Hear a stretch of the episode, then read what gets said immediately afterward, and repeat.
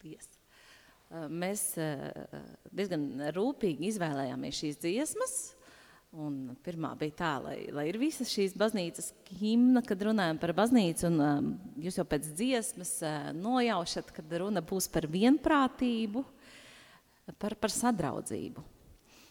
Un, ja es gribētu tādu svešvārdu savai lekcijai, uh, tad vārds, ko es iemācījos, gatavojoties šī lekcijai, uh, Eh, ka sadraudzība sengrieķu valodā ir eh, ko,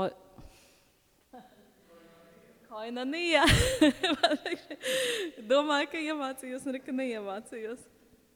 Bet tas ir jaunās darības vārds, kas apzīmē kopienu, eh, un, un tulkojot, mēs viņu varētu tulkot kā kopējas, kopīgas dalīšanās, piedalīšanās. Tā ir tā sadraudzība, tā īpašā sadraudzība, kas Eh, kas ir minēta Bībelē un kuru mums arī vajadzētu just un, un pieredzēt savā dzīvē.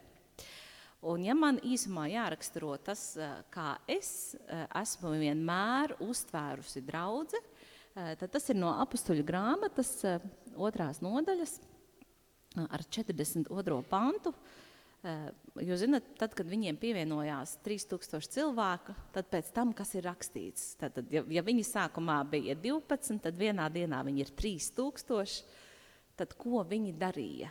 Kas, kas nodrošināja to ilglaicīgumu? Un, uh, tur rakstīts, un tie pastāvēja. Tātad tas bija kaut kas stabils, ko viņi visu laiku darīja. Un, uh, tajā, lai mēs būtu tajā sadraudzībā, mums tajā ir jāpastāv. Uh, Ne jau velti vēstulē ebrejiem ir rakstīts, nepametīsim savas kopīgās sapulces, kā tas pie dažiem parasts, bet pamudināsim cits citu vēl jau vairāk, redzot tuvojamies to dienu. Tātad neatkarīgi no laika konteksta, no kā draudze vienmēr pastāv. Viņa ir, viņa ieķerās tajā, kas viņiem ir. Uh, viņa pastāvēja tātad apustuļu mācībā, tas ir Didahe, šī, tas, ko Mareks stāstīja, tas ir ļoti svarīgi, ka mēs saprotam, kam mēs ticam. Un viņi, viņi rakst, lasīja gan uh, vecās darības rakstus, gan arī viņi klausījās, ko apstuļi viņiem stāsta, jo apstuļi bija nemitīgā sadraudzībā ar Jēzu trīs gadus. Viņi vislabāk pazina Jēzu no visiem. Tad viņi pastāvēja tajā mācībā. Uh, un nākamais, uh, viņi pastāvēja sadraudzībā. Šī ir tā koinonija, ko, ko mēs šodien runāsim ļoti daudz lekcijā. Uh, Tad nākamais, kas veido baznīcu, ir maizes laukšana. Viņi svinēja vakarēdienu, tā kā Jēzus to viņiem bija mācījis. Un pēdējais - lūkšanās. Bet tās nav vienkārši tādas lūkšanas, tādas, tās ir tādas ticības lūkšanas. Un šis vārds, eh, grieķu vārds, kas tiek lietots šajās lūkšanās, ir piemēram tas, ko Jēzus saka eh, Mateja evaņģēlijas 21, 22. Un visu, ko jūs ticībā lūgsit, to jūs dabūsiet. Un šis vārds, eh, tās ticības lūkšanas, šis vārds, vārds ir arī, kas ir draudzē, lūkšanās. Tātad draudze pastāv māja, eh, apustuļu mācībās, sadraudzībā, maijas laušanā un lūkšanā. Un tas ir tas, kas vienmēr jau no tādām jaunības dienām ir veidojis mani izpratni par draudzi. Eh, mana tā draudze, kuras pat esmu izaugusi, ir talsa draudze, bet nu jau pa šiem gandrīz gadu, kad esam šeit, es jūtu, ka es esmu lēnām iesakņojusies arī šajā draudzē un par kāda veida sadraudzību mēs eh, runājam. Tātad eh, mēs, kas mūs vispār dara par tādu īpašu sadraudzību, jo mēs pēc būtības viens otram esam svešinieki. Nav tā, ka jūs esat rats rada galā. Reizēm tādā sanās draudzēs ir tā, ka tur ir viena ģimene, otra, trešā, tad tur zina, tā sēž tajās rindās, tā sēž tā. Bet ja jūs sanākat kopā, jūs principā viens otram esat sveši. Varbūt kāds tur pazīst savstarpēji kādu bērnu, kāds ar kaut kur kopā strādājis, kādam kāds tur smilškastē kopā spēlējies bērnībā, vai kādam tur tēva mājas bija pāri, bet pēc būtības mēs esam svešinieki. Tad tajā mūsu šajā īpašajā sadraudzībā, kas ir iespējams tikai baznīcā, ievada principā vakarēdienas. Jo tad, kad mēs nākam pie Kristus miesas, mēs saņemam Kristus miesu, Kristus asinis, Tas mūs dara par brāļiem un māsām. Mēs principā caur vakarēdienu savā veidā kļūstam par asins radiniekiem. Un tāpēc ir tā interesantā sajūta reizēm, ka baznīcā citi kristieši ir gandrīz kā brāļi un māsas. Tāpēc, tas ir tas vakarēdienas, kas mūs padara par gandrīz brāļiem un māsām. Otrā lieta, kas mūs padara par sadraudzību ir svētais gars. Jo nu, mēs jau varam būt brāļi un māsas, bet, bet to īpašo mīlestību, to īpašo žēlastību un tādas, tādu dziļumu šajās attiecībās piešķir svētais gars. Mēs trešajā lekcijā dziedāsim dziesmu ar bērniem, kur viņi tur dziedās par to, ka no, pie nagliņas, lai nagliņa, pie akmentiņa akmentiņš, pie ķieģelīša ķieģelīts, kas veido nu, tā kā baznīca sēku, kā Dievs ceļ. Un tā saistviela, kas mūs visus saista kopā, tas ir svētais gars. Bez svētā gara mēs ātri sakašķētos, izklīdinātos, mēs katrs savā veidā domātu, kam tad draudzē jābūt. Svētais gars ir arī tas, kas mūs vienots ar to, ka tīri fiziski viņš mums visos ieliek vienādu redzējumu par to, kam mēs esam radīti un ko mēs darām. Un tas viss ir svētais gars, kas mūs satur kopā šajās brīnišķīgajās sadraudzības attiecībās, ko mēs unikāli varam piedzīvot tikai baznīcā. Un, uh, pirms mēs pārējām pie nākamā slaida, man ir jautājums, uh, kāds ir mūsu kā baznīcas uzdevums? Kāpēc Dievs vispār mūs veido, kur tā miesa dodas? Vai jūs zinat?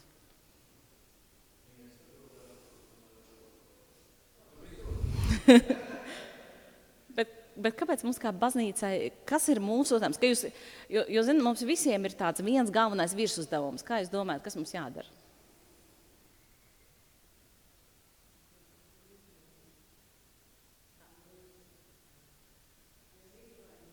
Jā, Ko Grib, lai mēs darām pa ceļam? Jā, paņemam līdzi Mateja evaņģēlis. Tas, ko Jēzus, kad viņš tiek pacelts debesīs, saka uh, saviem mācekļiem, man ir dota visa vara debesīs un virs zemes, tāpēc ejiet un dariet par mācekļiem visas tautas. Tās kristītam, tēva dēla svētā gar vārdā, tās mācītam turēt visu, ko es jums esmu apsolījis. Tad, kad mēs kļūstam, tad, kad mēs principā iesvētībās, tad, tad, uh, ja mēs runājam par luterisko izpratni, Kristībā mēs nomirstam sev, tāpēc ir vajadzīgs kristības, ka mēs gribam dzīvot Kristu, mēs piedzimstam no augšienes. Tas ir tas, ko Nikodēms nevarēja saprast, kā viņš vecs cilvēks var piedzimt kristībā. Bet tad, kad mums uzliek rokas, iesvētība, kāpēc iesvētība ir tik svarīga un kāpēc ir reizēm labi, ka to atdala, Tāpēc, ka iesvētībā mums tiek uzliktas rokas un īpaši aizlūdz, lai mūsos svētais gars pavairo savu dāvanu. Jo tad, kad mēs tiekam kristīti, tad mūsos arī iemājo svētais gars. Bet iesvētībās, lai, mē, lai mūsos pavairo svētais gars savu, principā, lai svētā gara spēks nāk tā kā vasaras svētku dienā, lai nāk par mums kristībā, iesvētībās, un iesvētībās mēs tiekam izsūtīti darīt šo lielo pavēli, darīt par mācekļiem visas tautas. Un kāds no jums, kas šodien sēž, noteikti būs misionārs vai nu Ķīnā vai Āfrikā un tā tālāk, tāpēc ka katrai draudzē tas ir dots. Un arī tā pavēle, kas mācekļiem ir, sākumā viņiem bija jābūt Jeruzalemē, Judejā un tad līdz pasaules galam, bet par to vairāk runās Raimons. Bet principā mēs kā draudze, mums vienmēr ir skaidrs, kas mums ir jādara. Mums ir jādara par mācekļiem, jākrista un jāmāca. Tas ir mūsu tas galvenais, kur mēs vienmēr visos laikos ejam. Vēl, ja mēs domājam, domājam par šo unikālo uh, sadraudzību, koinonija, tad uh, kas šo sadraudzību raksturo? Uh, jūs redzat, es mēģināju tādu uztaisīt, tad, jā, šis nerāda līdz galam. Pirmais, tas lodziņš ir, ka baznīca ir universāla. Mēs neatkarīgi no tautības, no vecuma, no dzīvuma, neatkarīgi kurā kontinentā mēs dzīvojam, mēs visi piederam vienai baznīcai, vienai lielai Kristus miesai. Un tas ir tas vārds, ko katoļi ir piesavinājušies. E, jaunajā vienā no ticības apliecībām, ko mēs liekojam baznīcā Nīkais apliecībā, mēs sakam, ka mēs esam katoliska baznīca. Tas nenozīmē, ka mēs pēkšņi esam kļuvuši par katoļiem, bet mēs esam šo vārdu universāla, vispārēja, paņēmuši to vārds katolisks, ko tas būtībā nozīmē. Katoļu baznīca, ka viņi sauc sevi par Romas katoļu baznīcu, viņi saka, ka mēs esam vispārēji universāli vienīgā pareizā patiesā baznīca pasaulē.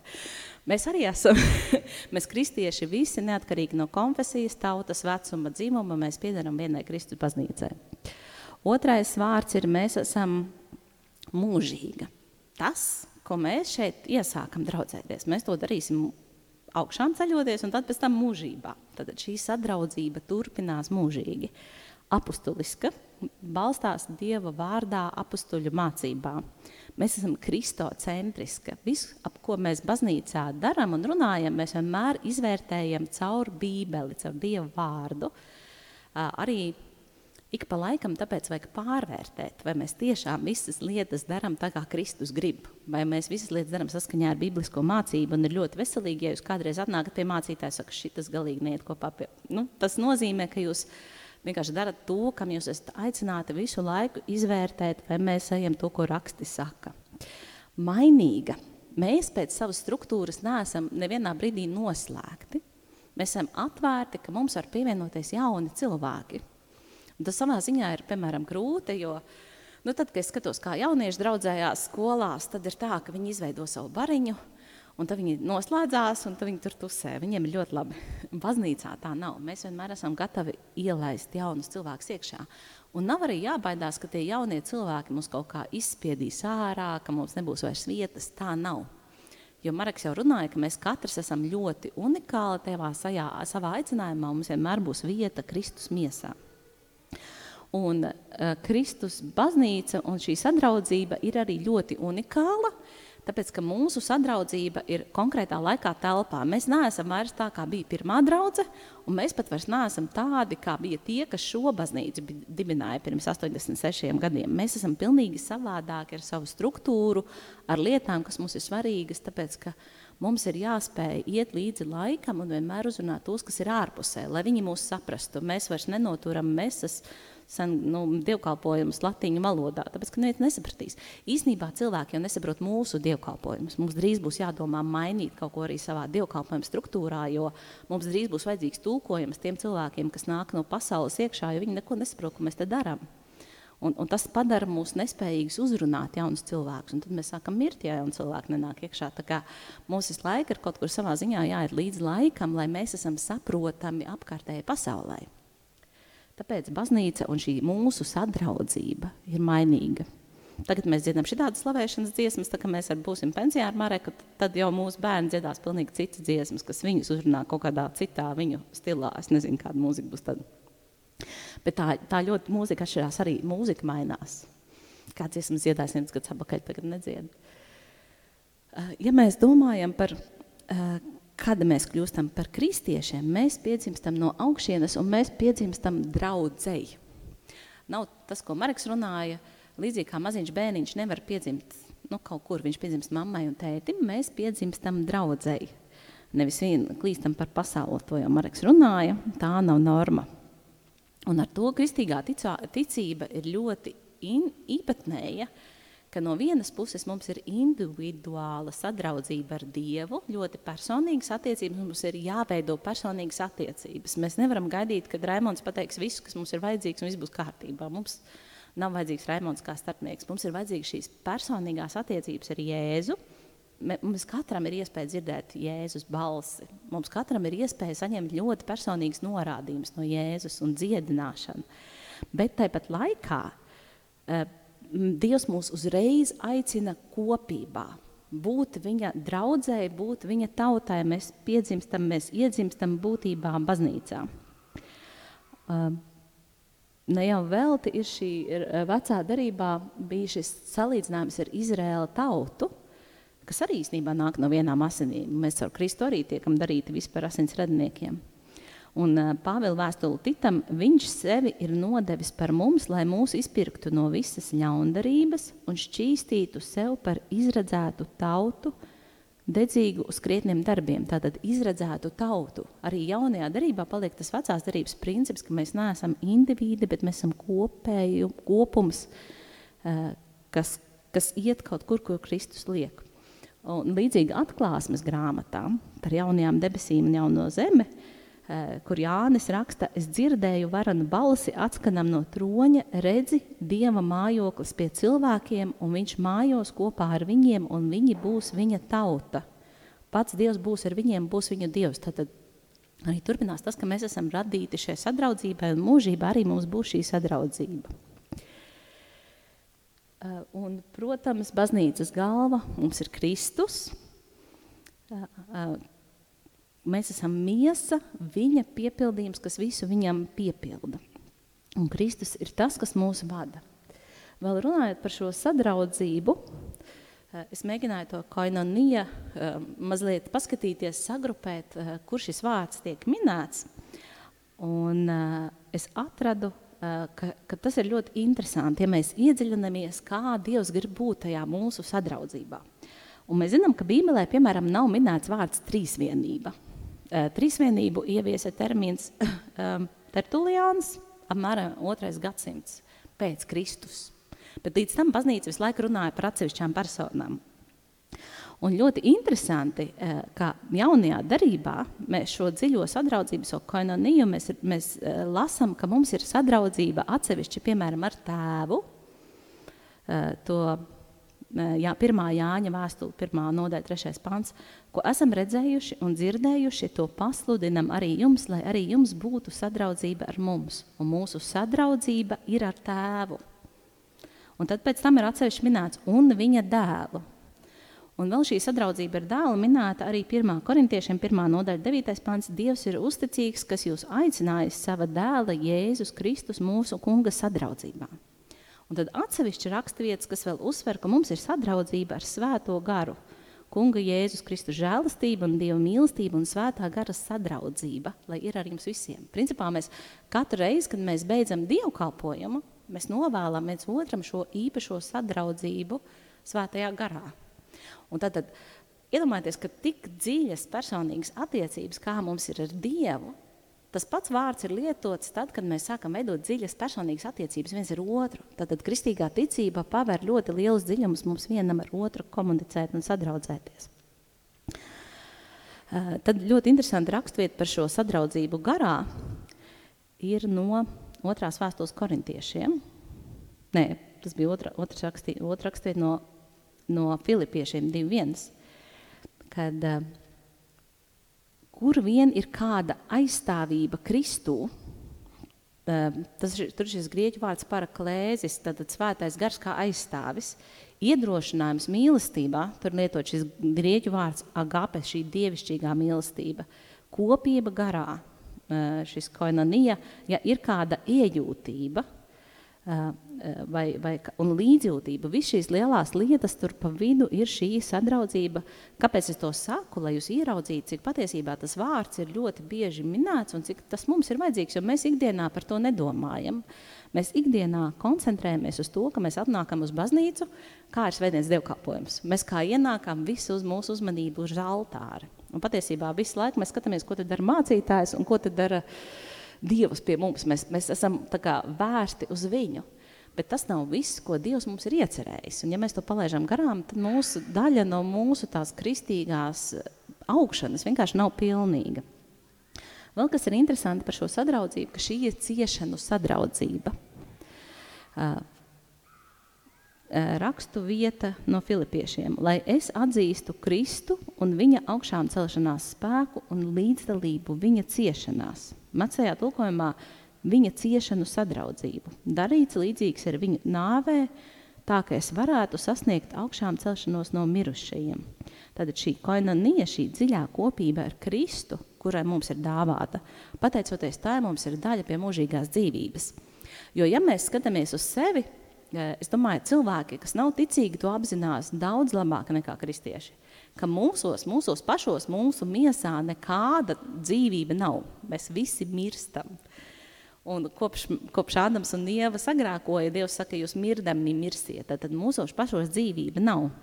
Bet pateicoties šai ciešanu sadraudzībai ar Kristu, tad, kad mēs esam kristīti uz viņa nāvi, tad Pāvils saka romiešiem – Vai jūs nezināt, ka mēs, kas kristīti uz Jēzu Kristu, esam kristīti uz viņa nāvi, tāpat mēs kristībā līdz ar viņu esam aprakti nāvē, lai tāpat kā Kristus, kas caur tēva godību uzmodināts no mirušajiem, arī mēs staigātu jaunā dzīvē. Tad, šī līdzdalība ciešanās dod mums mūžīgo dzīvību. Sakramentāla sadraudzība, kāpēc es to pieminu, rakstavieta svētības biķeris, ko mēs svētījam, vai tas nav savienošanās ar Kristus asinīm, maize, ko laužam, vai tā nav savienošanās ar Kristus miezu, mēs burtiski nonākam kopībā ar Jēzu caur svēto vakarēdienu. Un pateicoties tam, ka mums ir šī ciešanu sadraudzība, ka mums ir šis vakarēdiens, vakarēdiens jau arī dara mūs spējīgi celties augšā pēc tam pastarā dienā. Tas ir Kristus nopelns. Un vēl pie šīm divām lietām es pieliku klāt, ka mums ir arī sadraudzība noslēpumā. Jo mēs zinām, ka mēs Dievu nevaram līdz galam izskaidrot. Un ir šī mistiskā Dieva, neizskaidrojamā Dieva pieredze. Un par to arī šis vārds koinonija tiek lietot šajā pantā, kas ir efeziešiem. Un rādīt, kā tas ir piepildījies lielais noslēpums, kas no laiku laikiem bija apslēpts visu lietu radītājā dievā. Un, uh, mums latviešu ir nu, lielais noslēpums, mums kaut kur tur ir pazudis šis vārds uh, sadraudzība, bet angliski ir fellowship in mystery, tātad sadraudzība noslēpumā. Tad šī sadraudzība, kas mums ir ar Dievu, uh, caur vakarēdienu, uh, caur ciešanu sadraudzību, caur kristību, tā izdara mūsos kaut ko vairāk, nekā mēs patiesībā spējam ar prātu izskaidrot. Tā ir tāda dziļa sadraudzība. Un, ja mēs sākam domāt, tas bija ar Dievu. Bet tad, mēs skatāmies viens uz otru, šī pati sadraudzība, kas mums ir ar Dievu, mums ir iespējama vienam ar otru. Mums ir ticības sadraudzība. Pāvila vēstule Filamonam, lai tava ticības sadraudzība kļūtu darbīga, visa laba atziņā, kas mūs tuvina Kristumu. Tad šī sadraudzība kaut kādā brīdī mums ir jāiedarbina, un mēs baznīcā kļūstam tuvu pateicoties kopīgai ticībai. Tāpēc arī dievkalpojumā, piemēram, mēs katru svētdienu skaitām ticības apliecību. Tāpēc, ka mēs visiem, visai garīgai, redzamai un neredzamai pasaulē katru svētdienu apliecinam kopīgu ticību. Un tad, kad mēs kopā sakam ticības apliecību, tam ir liels garīgs spēks, un tas arī mēs vēlreiz apliecinam Dievam, ka mēs gribam būt ar viņu šajā, šajā sadraudzībā. Ehm, līdzīgi ir arī piedošanas sadraudzība. Bet, ja mēs staigājam gaismā, kā viņš ir gaismā, tad mums ir sadraudzība citam ar citu, un viņa dēla Jēzus asinis mūs šķīstīja no visas apgrēcības. Un tas, ka šī sadraudzība ir piedošanas sadraudzība, tas dara mūs visus vienlīdzīgus, jo mēs visi zinām, ka mums ir kāds grēks. Un ka mums visiem ir vajadzīga piedošana Jēzus asinīs.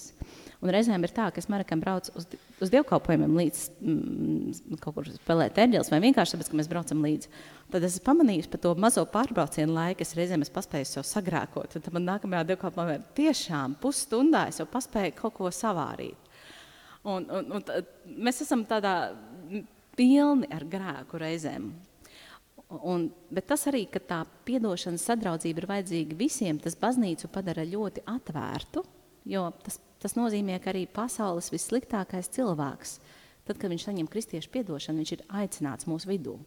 Un reizēm ir tā, ka mums gribās uz baznīcu aicināt savus labos draugus, nu, tādus patīkamus cilvēkus. Nu, viņiem taču arī vajadzētu nākt uz baznīcu, viņi kļūs vēl labāki.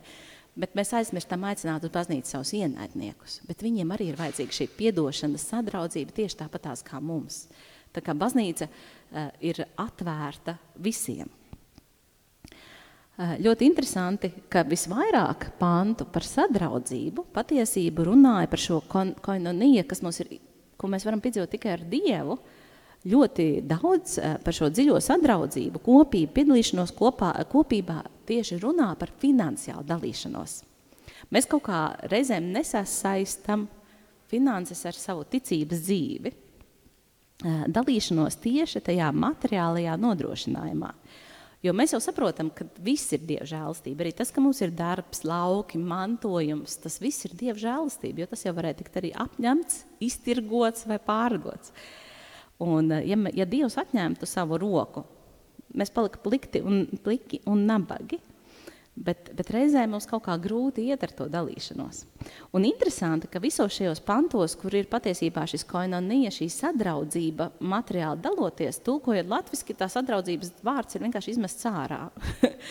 Vai nu tāpēc, ka ir ļoti grūti to teikumu pārtulkot, viņš kļūt neustarams, nu katrā ziņā tur viņš nav, piemēram, ja mēs skatāmies 2. korintiešu vēstuli 8.4, ar lielu sirsnību tie piedāvāja savu kalpošanu svētajiem mīlestībā – bet angliski un, un arī citās valodās skatījos savu kopīgo kalpošanu, šo koinoniju, šo sadraudzības kalpošanu svētajiem mīlestībā. Un šajā raksturvietā, ja paskatāmies, ir runa par Maķedonijas draugu, kur ir labprātīgi ziedojuši pēc savām spējām, bet pāri spējām, saka Pāvils. Līdzīgi turpat tās tajā pašā vēstulē Pāvils turpinot tālāk 9. nodaļā saka, atzinīgi vērtējot šo jūsu kalpošanu, cilvēki slavē Dievu par jūsu pakļaušanos tam, ko sludināt Kristus evaņģēliju, un par jūsu dāsnumu, šeit ir tas kainanija, kopību dāsnumā, pret viņiem un visiem citiem. Tad kopību dāsnumā, un mēs visi esam aicināti to piedzīvot. Eh, ne jau vēl te vecajā darībā tika ļoti stingri iedibināts princips desmitā tiesa – Ne jau tāpēc, ka desmito tiesu vajag dievam. Viņam viss pieder. Viņš var radīt no nekā pasauli, mūs. Viņam nevajag mūsu desmito tiesu. Bet tāpēc, ka katru reizi, kad cilvēks ziedo desmito tiesu, viņam nākas domāt par to, kāpēc viņš to dara. Ka patiesībā viss, kas man ir, tas nāk no dieva. Un, uh, māja, alga, bērni, draugi, draudzene, pat valsts, viss ir dieva žēlastība. Un tad, kad mēs ziedojam tos 10%, mēs fiziskajā pasaulē saviem bērniem arī iemācām to. Saviem draugiem atgādinām, jo viņiem arī nevienmēr skaidrs, kāpēc mēs dodam tik daudz tai baznīcai. Visai arī garīgai pasaulē mēs apliecinām, ka to visu mums ir devis Dievs. Un tad, kad mēs ziedojam, mēs principā tiekam ārstēti vienmēr no algadievības mantai. Katru reizi, kad jūs iemetat baznīcas ziedojumu kastītē, jūs vienkārši tulkat brīvi no mantas elkiem. Jūs atzīstat, tas nav mans, tas viss no Dieva žēlastības. Un arī šodien, dzīvojot jaunās darbības laikā, mēs varam paturēt šos desmitās tiesas principu, jo tas ir vienkārši tāds labs garīgās temperatūras mērītājs, vai es neesmu atkal tur pieķērusies kaut kam savam vairāk. Un, un interesanti, ka Jēzus neaicina jaunajā darbā pieturēties pie viena cipara desmit. Ja mēs skatāmies uzmanīgi, ko Jēzus saka jaunajā darbā, tad viņš piemēram saka, ja tev ir divi svārki, tad atdod vienus, kam nav. Tad, tad no divi viens ir principā pusi, tas ir 50%. Vai arī tad, kad Jēzus saka uh, bagātajam jauneklim, viņš saka, izdali visu savu nantu, tas ir simts procenti. Tad, tad var būt, ka kādam Dievs saka, ziedo 10, kādam Dievs saka, ziedo 30, kādam Dievs saka arī 100%. Un tas nav tāds kaut kas nereāls, tāpēc ka reizēm lietas, kas mums pieder, mēs kalpojam viņām kā elkiem, un tikai tad, kad mēs no viņām tiekam vaļā, mēs patiešām beidzot varam iet un darīt to savu aicinājumu, ko Dievs liek. Tā kā viss arī manta ir relatīva tajā globālajā Kristus aicinājumā. Un eh, mēs esam brīvi dalīties, ziedot ar, ar brāļiem un māsām tik, cik Dievs mūs aicina. Un, un tas ir vienkārši tāda ziedošanas kopība, tāpēc jau tas ir, ka tā ir ziedošanas kopība. Uh, Vēl viens pāns ir Romiešu 15,26, jo Maķedonijas un Ahajas ļaudis ir bijuši labprātīgi un savākuši kādu ziedojumu, bet patiesībā tas ziedojums ir kā koinonija, kādu daļu no sevis nabagajiem Jeruzalemes svēto vidū. Un ja kādam iedrošinājums vēl vajadzīgs, hebre, ebreju vēstule, neaizmirstiet labdarību un līdzdalību citu vajadzībās. Tad, tad tādi upuri tīkam Dievam. Un tad, mēs, un tas, šis vārds, ko nav šī sadraudzība, tad, kad mēs kādam ziedojam, mēs jau reāli dodam daļu no sevis. Mēs jau esam ielikuši savu laiku, savu spēku, savu resursu tajā, lai mēs varētu to naudu nopelnīt. Un kad mēs, kad mēs ziedojam, mēs reāli dodam daļu no sevis tam otram cilvēkam. Ja skatāmies vēl, kur šis vārds, ko Nanija minēts, ir tad uh, dziļo šo sadraudzību, kopību, piedalīšanos kopība ir kopība kalpošanā, kopība, evaņģēlijas sludināšanā.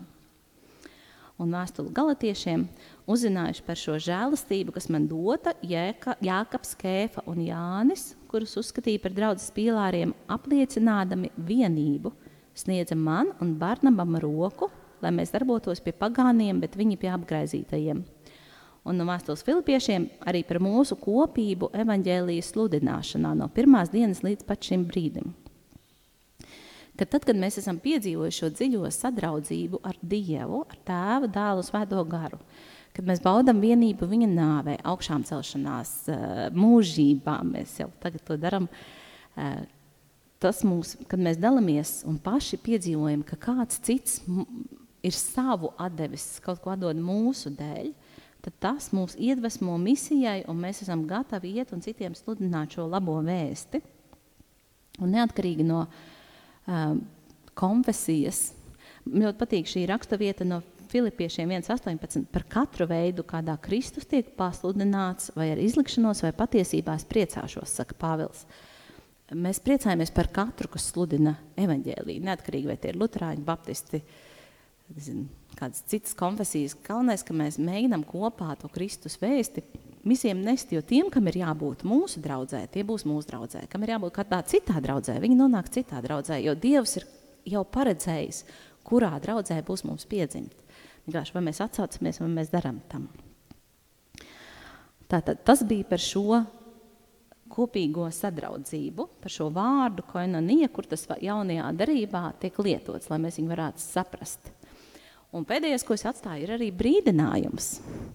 Brīdinājums neiet nesadarīgā kopībā ar šo īpašo dziļo sadraudzību, kopību ar neticīgajiem.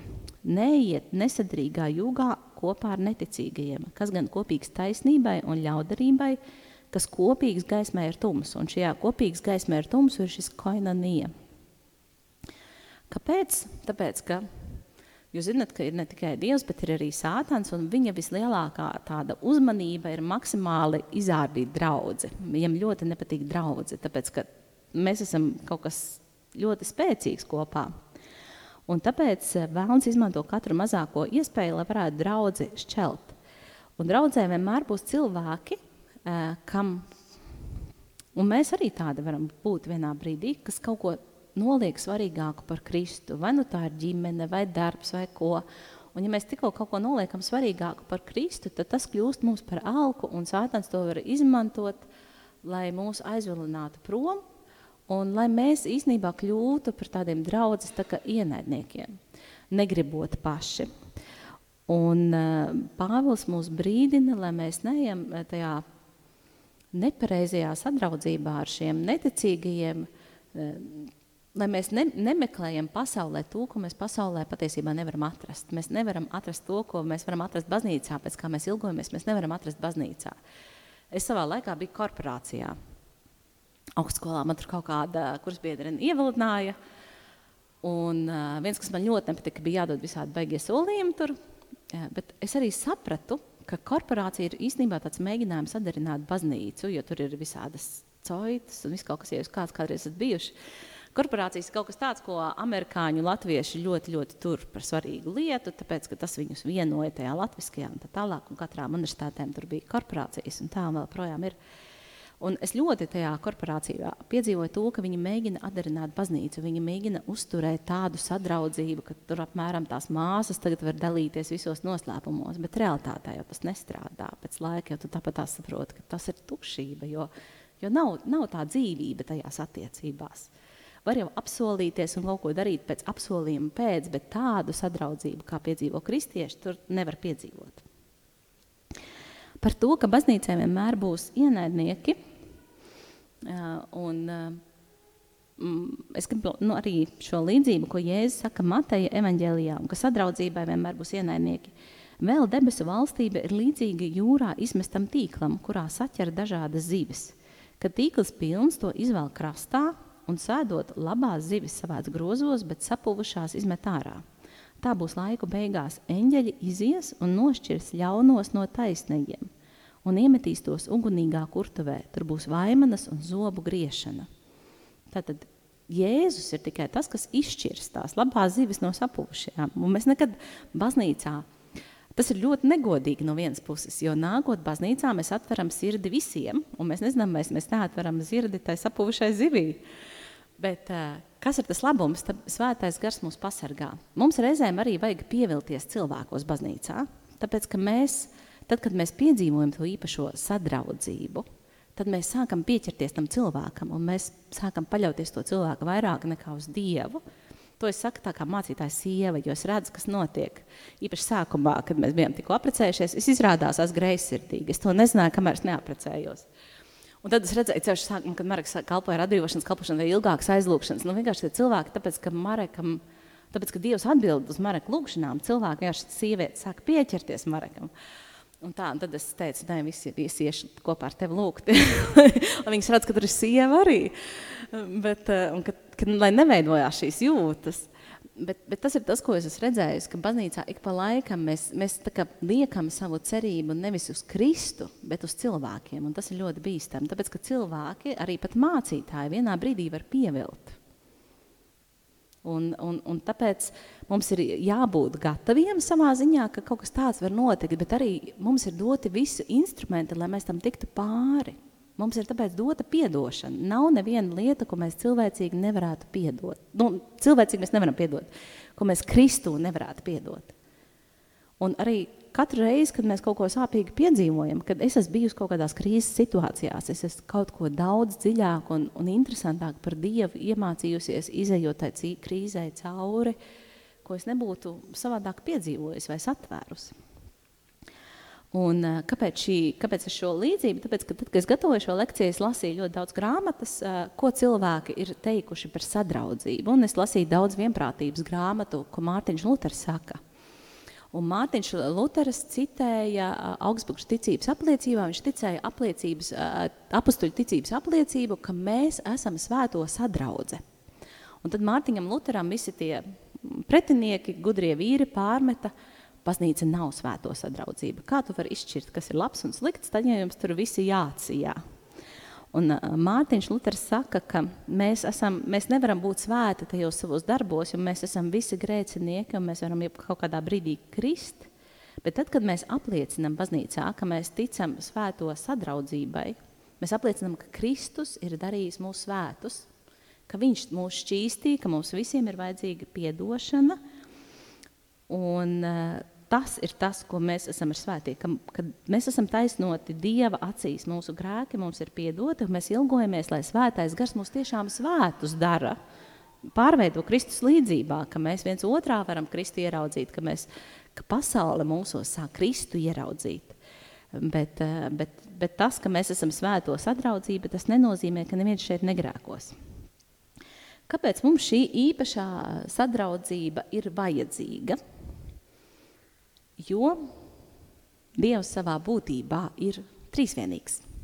Ir tās dēls savā svētais gars, viņš pats sevī ir trīs personas, viena būtība, un viņš pats ir šajā sadraudzības attiecībās ar sevi.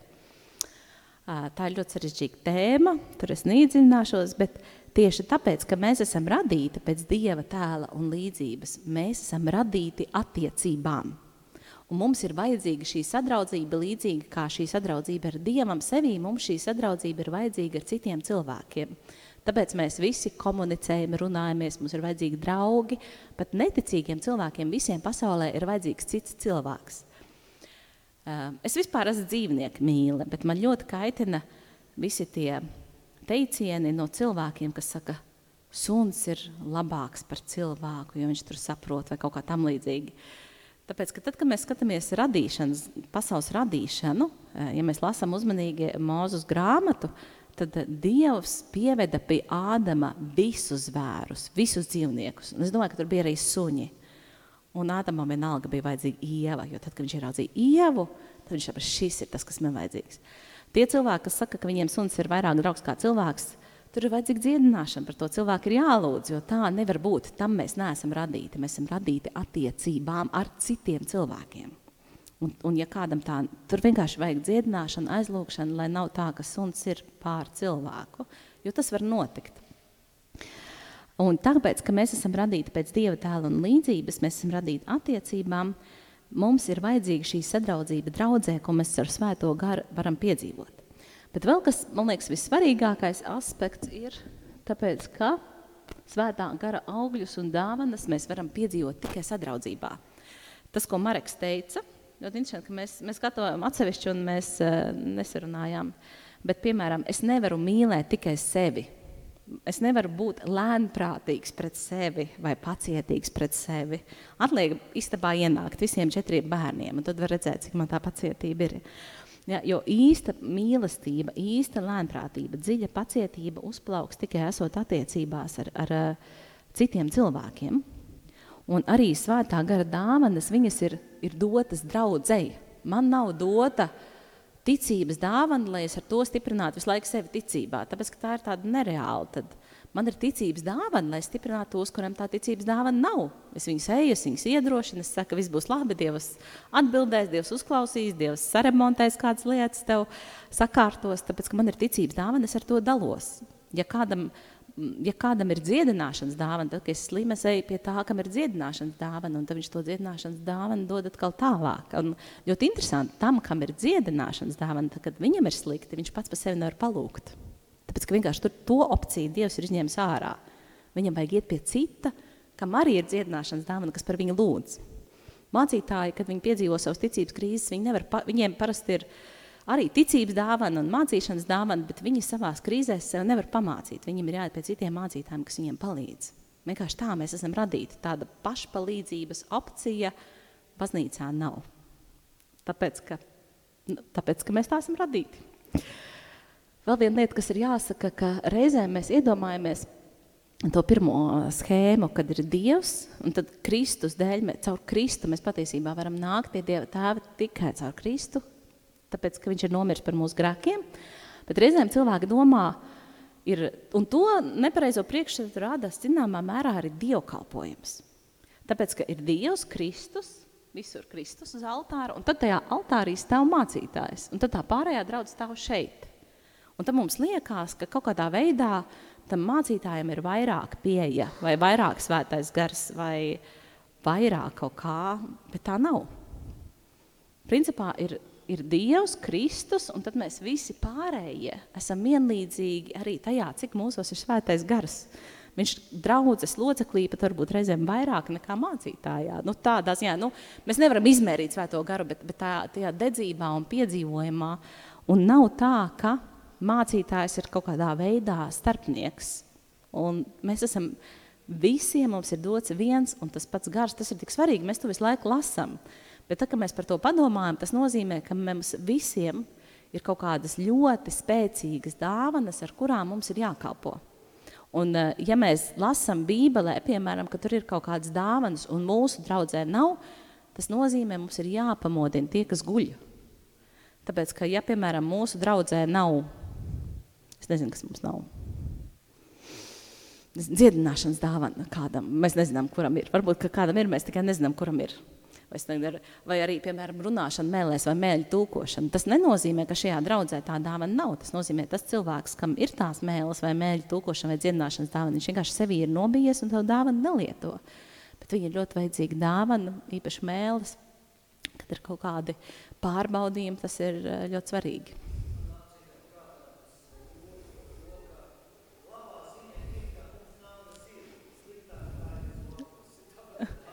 Jā, jā, tas tieši tāpat ir dāvanām, ka patiesībā tas eh, jūsos ir kaut kāds milzīgs tāds dieva ielikts potenciāls, kas ir jāatklāj. Un tas grūtākais ir to atklāt. Tā problēma nav, ka nav. Grūtākais ir atklāt, kas tad ir tas, kas ir mans. Un jūs varat darīt brīnumus, tā labā ziņa ir. Jūs varat lūgt, un cilvēki tiks dziedināti. Jūs varat uh, arī tās pārdabiskās lietas, visas mēs varam darīt. Dzīt demonus, vienkārši pasludināt, cilvēki atgriežas. Uh, bet tas nenozīmē, ka šīs mazās dāvanas, ko mēs darām, ir mazāk svarīgas. Piemēram, uh, praktiskās dāvanas tās arī ir svētā gara iedvesmotas. Tas, ka šeit ir skaisti ziedi, tas ir svētā gara darbs pie tā cilvēka, kurš to dara katru svētdienu. Un tas, ka ir, tas ir svētā gara darbs, tas izpaužās, to var ļoti labi redzēt pēc tās uzticības, ka cilvēks var 30 gadus nākt un vienkārši pušķot baznīcu. Un tā uzticība jau parāda, ka viņš ir uzticams mazās lietās, jo to ilgaicīgi bez svētā gara nevarētu izdarīt.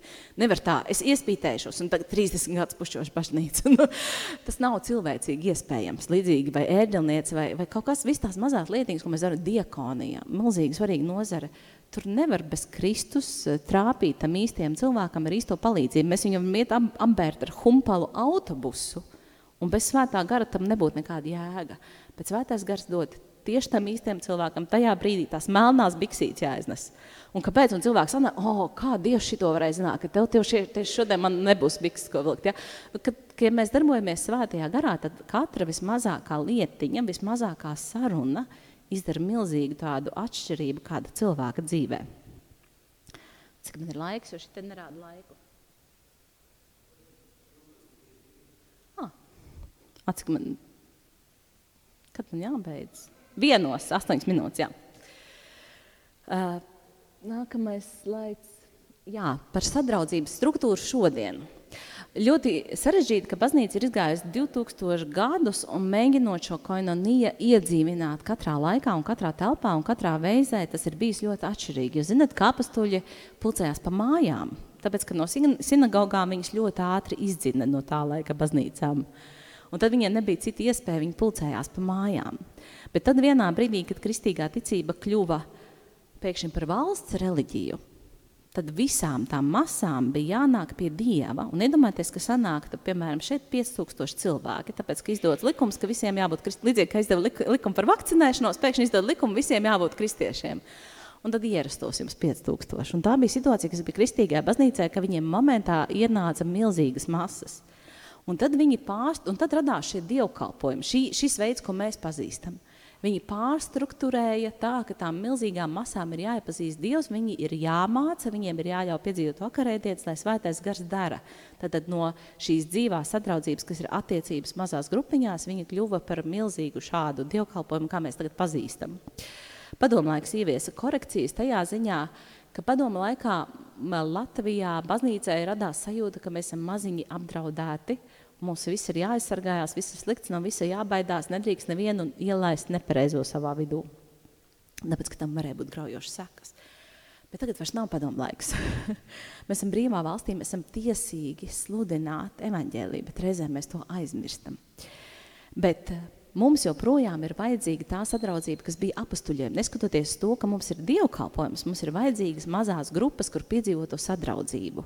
Un ja jums kādam, kas ir mūsu draudzes loceklis, nav mazā grupa, tad nāciet pie mums un sakiet, mēs neesmu mazajā grupā, ar manīm kaut kas nav kārtībā. Ko dod mazā grupa? Mazā grupa ir re, regulāra tikšanās, ideāli katru nedēļu, ja nereiz divās nedēļās, kur par jums kāds personīgi aizlūdz, kur jūs varat dalīties, kas ar jums notiek, visiem izaicinājumiem, visam, tas, tas ir tas, kas mums ir dabīgi vajadzīgs, kur mēs saņemam ļoti dziļu personīgu kalpošanu, iedrošinājumu, stiprinājumu, un kur vajadzētu visām svētā gara dāvanām izpausties. Tad ir vidējas sapulces, es teiktu, dievkalpojums. Tas arī ir vajadzīgs, kur visas šīs mazās grupas sanāk kopā un, un vienojās. Un dievkalpojums un tās vidējās sapulces ir tās, kas mūs vienotajā kopējā mācībā.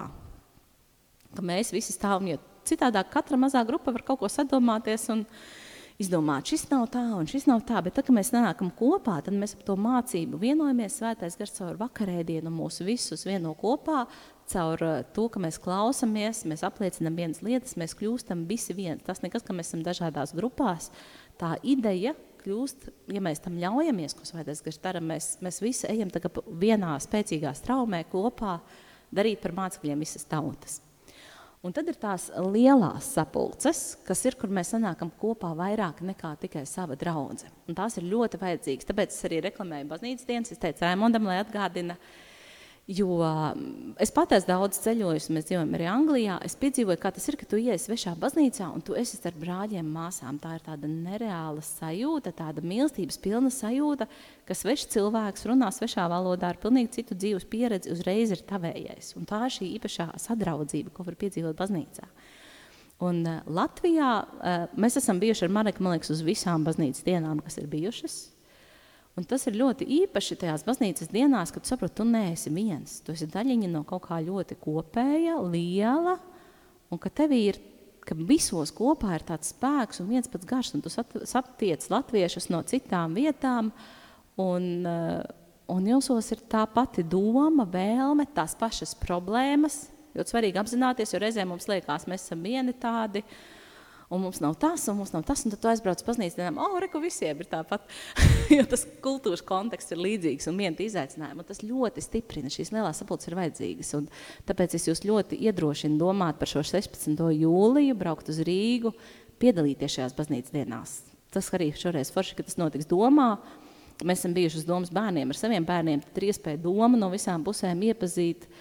Es zinu, ka viņi dos arī, viņi arī prasīja pieteikties, jo viņi dos kūku, kas iet no Pētera baznīcas doma, bet viss, viss notiek domā, doma dārza, dārzā, doma laukumā, tā kā ierēķinēt to 16. jūliju, jo tas ir kaut kas tāds, kas mūsos kopā ceļ ticību. Jā.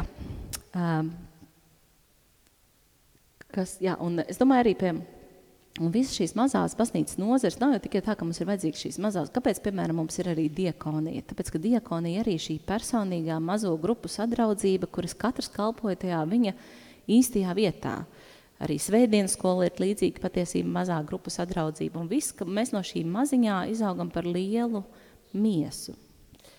Tad, kad es biju depresijā, un tad pēdējo reizi, man katru reizi pēc bērniņa piedzimšanas man ir pēcdzemdīta depresija bijusi, un pēdējo reizi bija diezgan smaga, un tad uh, man Anglijā tur pavēl bija iespēja iet psihoterapijā, un man bija tāds ļoti labs tas uh, treneris pretī sieviete, kura kā manu spēka avotu patiesībā ņēma man ticību. Un tad man bija iespēja izvērtēt, un tad, tas, tā bija pirmā reize, kad es biju ārpus baznīcas, jo visus tos pārējos kaut kā bērna pieņemšanas, tās depresijas man baznīca pārvarēja palīdzēja pārvarēt tās depresijas. Un tad es pirmo reizi biju ārpus baznīcas. Un tad, ejot ārpus baznīcās terapijā, es novērtēju, ko dod baznīca.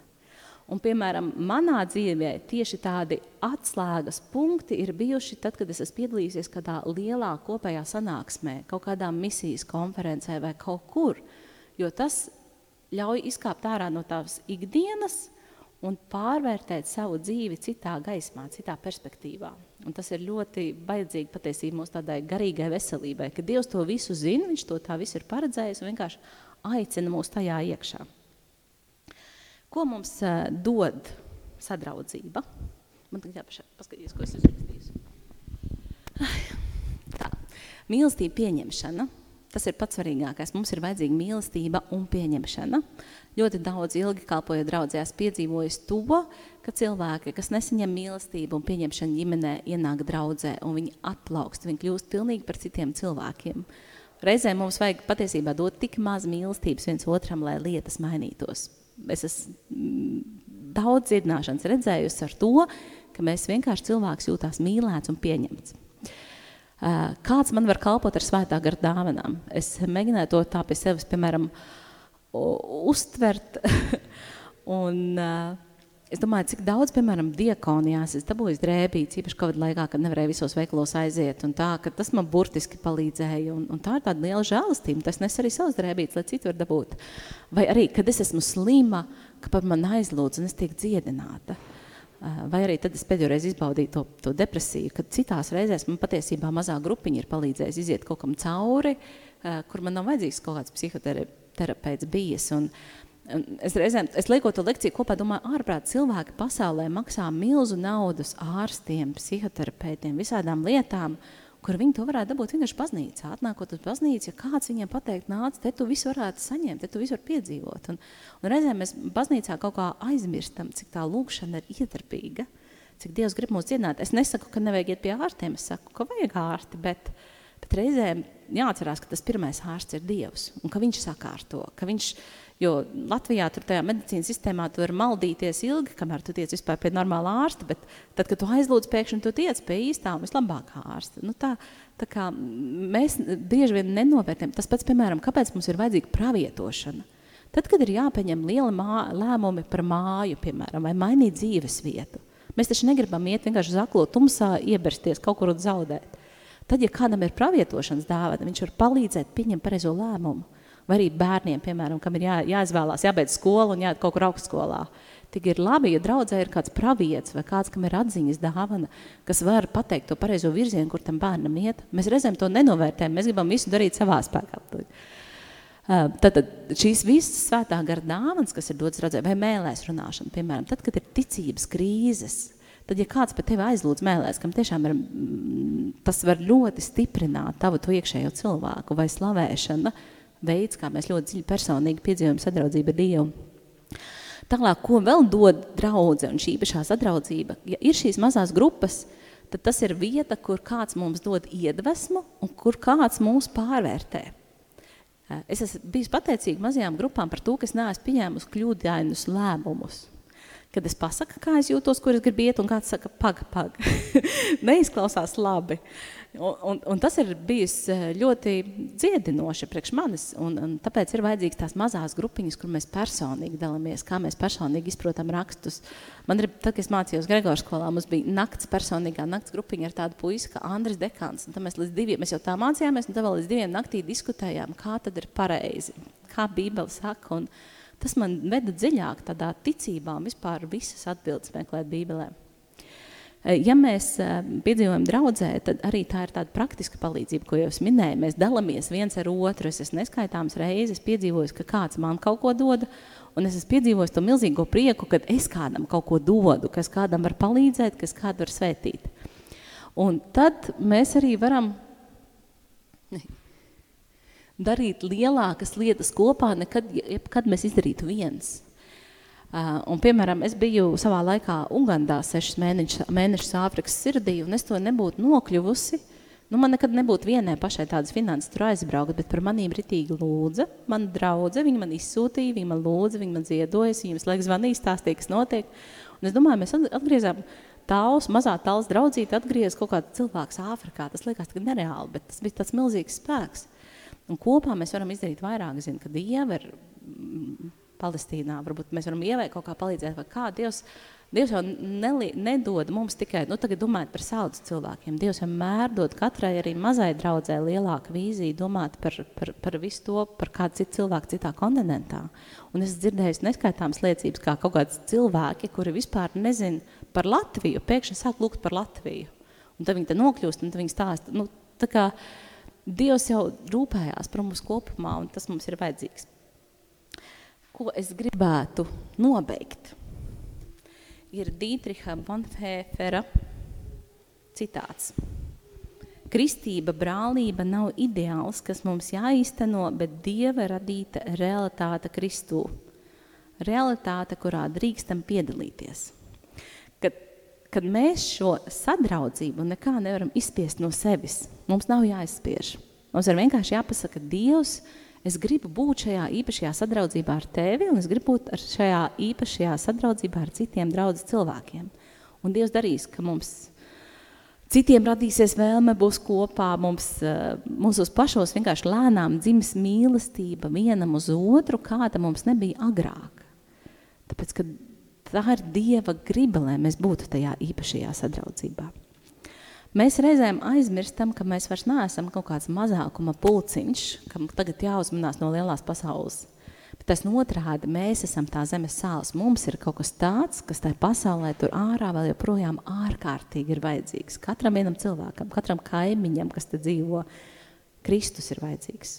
Un, viņš, un Kristus grib lietot mūs. Un tad, ja mēs, jo stiprāka būs mūsu savstarpējā sadraudzība – Jo vairāk cilvēki vienkārši pievilksies mums kā magnēts, tāpēc, ka viņi redzēs, ka mūsos ir kaut kas dzīvs, kaut kas ļoti darbīgs, un viņi gribēs tajā draudzē piedalīt, piederēt. Viņi arī gribēs, lai viņiem arī lietas notiek dzīvē.